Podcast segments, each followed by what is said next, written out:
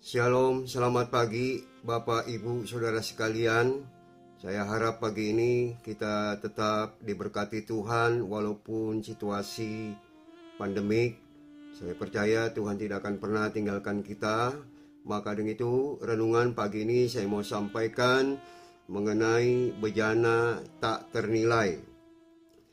Kitabnya di dalam 2 Korintus pasal 4 ayat 7, tetapi harta ini kami punyai di dalam bejana tanah liat, supaya nyata bahwa kekuatan yang melimpah itu berawal atau berasal dari Allah bukan dari diri kami. Dalam firman Allah yang hidup 2 Korintus 4 ayat 7, tetapi harta yang berharga ini yaitu terang dan kuasa yang sekarang bercahaya di dalam diri kami seolah-olah tersimpan di dalam wadah yang rapuh, yaitu tubuh kami yang lemah. Semua orang dapat melihat bahwa kuasa yang penuh kemuliaan di dalam kami pasti berasal dari Allah dan bukan dan milik kami sendiri. Bapak Ibu Saudara sekalian, bejana adalah sebuah wadah yang terbuat dari tanah liat dan Bejana ini sangat mudah pecah dan sangat rapuh. Namun bejana ini memiliki fungsi yang luar biasa Bapak Ibu Saudara. Kalau pada zaman kerajaan setiap anggur yang selalu disimpan dalam bejana tanah liat karena anggur ini dalam bejana memiliki kualitas yang terbaik dan bagus hasilnya. Saya ingat waktu saya masih kecil, Bapak dan Ibu saya selalu kalau minum itu uh, dia taruh airnya di sebuah uh, teko yang terbuat dari tanah liat. Karena dia tahu uh, hasilnya sangat membuat dia sangat segar dan luar biasa. Walaupun hari-hari ini kita tidak bisa menemukan lagi uh, wadah untuk kita pakai, bejana yang kita pakai untuk minum. Kalau dulu saya memperhatikan setiap kali uh, mengisi air tidak lagi pakai gentong atau ember atau drum, tetapi waktu itu ibu saya memakainya dengan tong yang terbuat dari tanah liat. Bapak ibu saudara sekalian dibandingkan dengan bejana dari emas dan perak, walaupun tampak luarnya lebih menarik dan bagus, tetapi di dalamnya tidak memiliki kualitas yang terbaik. Bejana yang tak ternilai adalah gambaran kehidupan kita yang penuh ketakutan, yang penuh penderitaan, yang penuh kekhawatiran.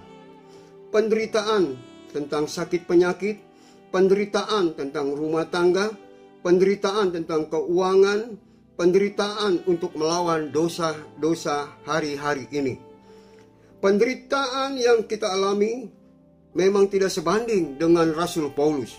Rasul Paulus adalah rasul yang paling identik dengan penderitaan. Awalnya hidupnya sebagai seorang Parisi yang hebat dan dikagumi oleh waktu itu semua orang.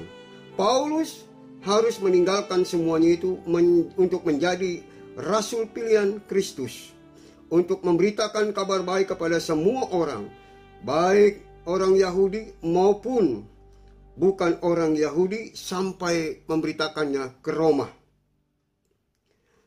Perjalanan misinya, Paulus banyak membawa penderitaan, baik secara jasmani maupun secara rohani.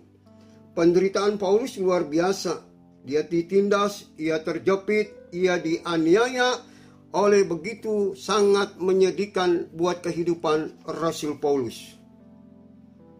Beragam bentuk penderitaan yang dialaminya, Paulus menganggap hidup itu seperti bejana tanah liat. Paulus menggambarkan hidupnya sangat rapuh sebagai manusia dalam menghadapi pergumulan demi pergumulan, persoalan demi persoalan. Paulus menjelaskan dalam bejana tanah liat yang rapuh, Paulus menyimpan harta yang tak ternilai apa itu Bapak Ibu Saudara? Yaitu terang Kristus yang bercahaya di dalam hatinya. Hidup kita seharusnya seperti Rasul Paulus, yaitu bejana tanah liat yang rapuh dan dekat dengan penderitaan dengan penderitaan. Terkadang secara manusiawi kita tak kuat untuk menghadapi penderitaan demi penderitaan. Namun harus kita sadari sebagai orang percaya bahwa ada kekuatan yang dari Tuhan. Yaitu kita harus terus ya diberikan kepercayaan bahwa Tuhan tidak akan tinggal diam dan membiarkan kita jatuh tergeletak.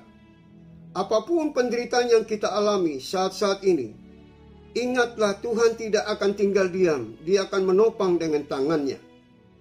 Dan Tuhan ingin menyegarkan dan Tuhan ingin mengajarkan kepada kita untuk tetap menaruh kepercayaan, menaruh pengharapan di dalam dia. Paulus berkata, bahkan kami merasa seolah-olah kami telah jatuh. Hukuman akan terjadi dalam hidupnya tetapi hal itu terjadi supaya kami jangan menaruh kepercayaan kepada diri sendiri, tetapi menaruh kepercayaan kepada Allah yang membangkitkan semua orang. Jadi walaupun kehidupan kita ini seperti bejana tak ternilai, tetapi ada kekuatan dari harta yang tak ternilai, yaitu Yesus Kristus namanya. Kita harus tetap percaya kita harus tetap berharap, kita tetap harus mengandalkan, yaitu Yesus Kristus sebagai harta yang tak ternilai itu. Biarlah harta yang tak ternilai itu boleh ada dalam kehidupan kita. Demikianlah renungan pagi ini saya sampaikan kepada Bapak Ibu Saudara sekalian. Kiranya Tuhan Yesus memberkati. Bapa kami di dalam surga. Hamba berdoa ya Tuhan, Kira engkau tolong buat seluruh jemaatmu, seluruh pendengar yang ada di mana pun. Kiranya engkau tolong ya Bapak. Mereka boleh menjadi tanah liat-tanah liat yang rapuh tetapi memiliki harta yang tak ternilai, tak ternilai itu. Yaitu Yesus Kristus di dalam kehidupan kami masing-masing. Kami percaya Tuhan kau akan memberkati kami pagi ini. Dalam nama Yesus kami sudah berdoa dan mengucap syukur. Haleluya. Amin. Terima kasih saudara sudah bergabung bersama keluarga besar GSJ Yesus Kristus. Sampai jumpa, Tuhan memberkati.